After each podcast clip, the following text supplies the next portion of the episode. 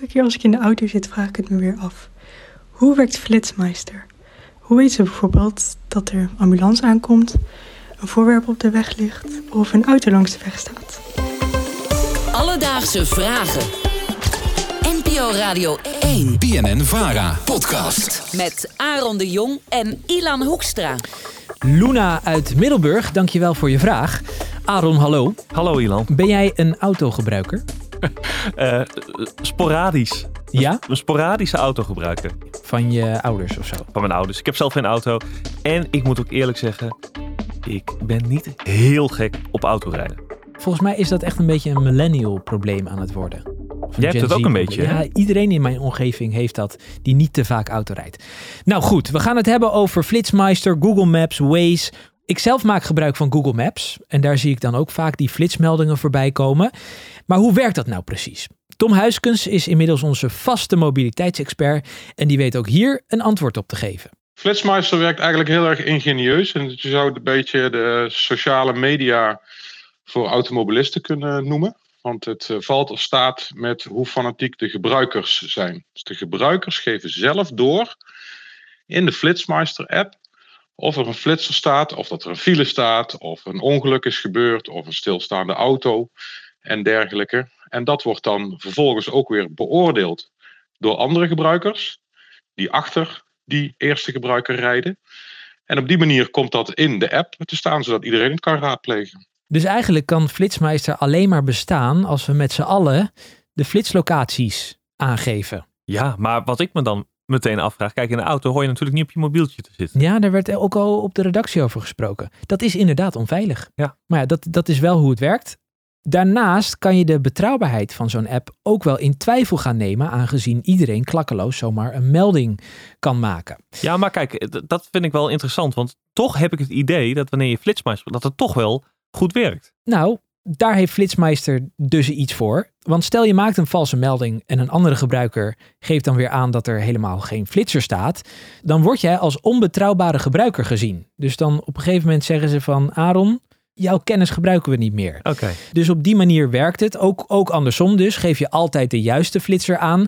Dan zal de app jou als betrouwbare gebruiker zien. En worden je locaties zelfs gedeeld op 538, Q-Music, BNR, Radio 10. Ga zo maar door. En Nederland is daar vrij uniek in. Want in het buitenland zijn zulke apps verboden. Bijvoorbeeld in Scandinavië en eh, voor zover ik weet ook in Frankrijk en in Zwitserland is het gebruik van Flitsmeister gewoon helemaal verboden. Die mag je gewoon, eh, je, mag, je mag geen radarverklikkers in je auto hebben zoals het dan eh, wordt omschreven. Dus niet alleen Flitsmeister, maar ook andere apps of kastjes of wat dan ook. Dus let op waar je rijdt. Want het zou zonde zijn om dan alsnog een boete te pakken. zonder dat je überhaupt geflitst wordt. Alledaagse vragen. Aaron, vind jij zo'n eh, flitspaal nou een goede of een slechte zaak? Oeh. Nou, kijk. Laten we beginnen. eh, Het is een vrijland, hè? Je het is een alles vrijland. Ik mag zeggen wat ik wil. Ik vind het eigenlijk wel een goed eh, systeem. Het eh, demotiveert mensen toch ook om eh achterlijk hard te rijden. Waar Ja. het niet eh, Ja. Veroorloofd is. Ja, dus jij zegt ik ben eigenlijk wel trots op die flitspaal. Trots vind ik een groot woord, maar ik ben Nou ja, eh, jij bent een Nederlander en als Nederlander moeten wij eigenlijk heel trots zijn op deze flitspaal. Ik vind het een heel eng eh, FVD-toontje, Ilan. Want wist je dat het een Nederlandse uitvinding is? De flitspaal? De flitspaal. Misschien wel de meest gehate uitvinding ooit in Nederland, maar de flitspaal die werd ontworpen door rallyrijder Maus Gatsonides. En de reden voor Maus om deze flitspaal te gaan maken was niet om autobestuurders een lesje te gaan leren, maar die is ontworpen als betrouwbare snelheidsmeter voor rallyrijders. Ah. Dus je rijdt er langs, een flits en je ziet wat de snelheid is. Later kwamen ambtenaren hier ook achter dat deze flitspaal bestond. En toen dachten ze, hé, hey, wacht eens even, daar kunnen we ook gebruik van maken. Eh, zo stond de allereerste flitspaal in Haarlem in 1966. Dat is al best oud.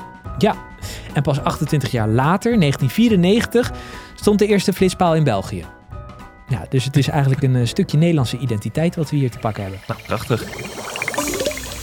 Dus, Luna, hoe werkt Flitsmeister?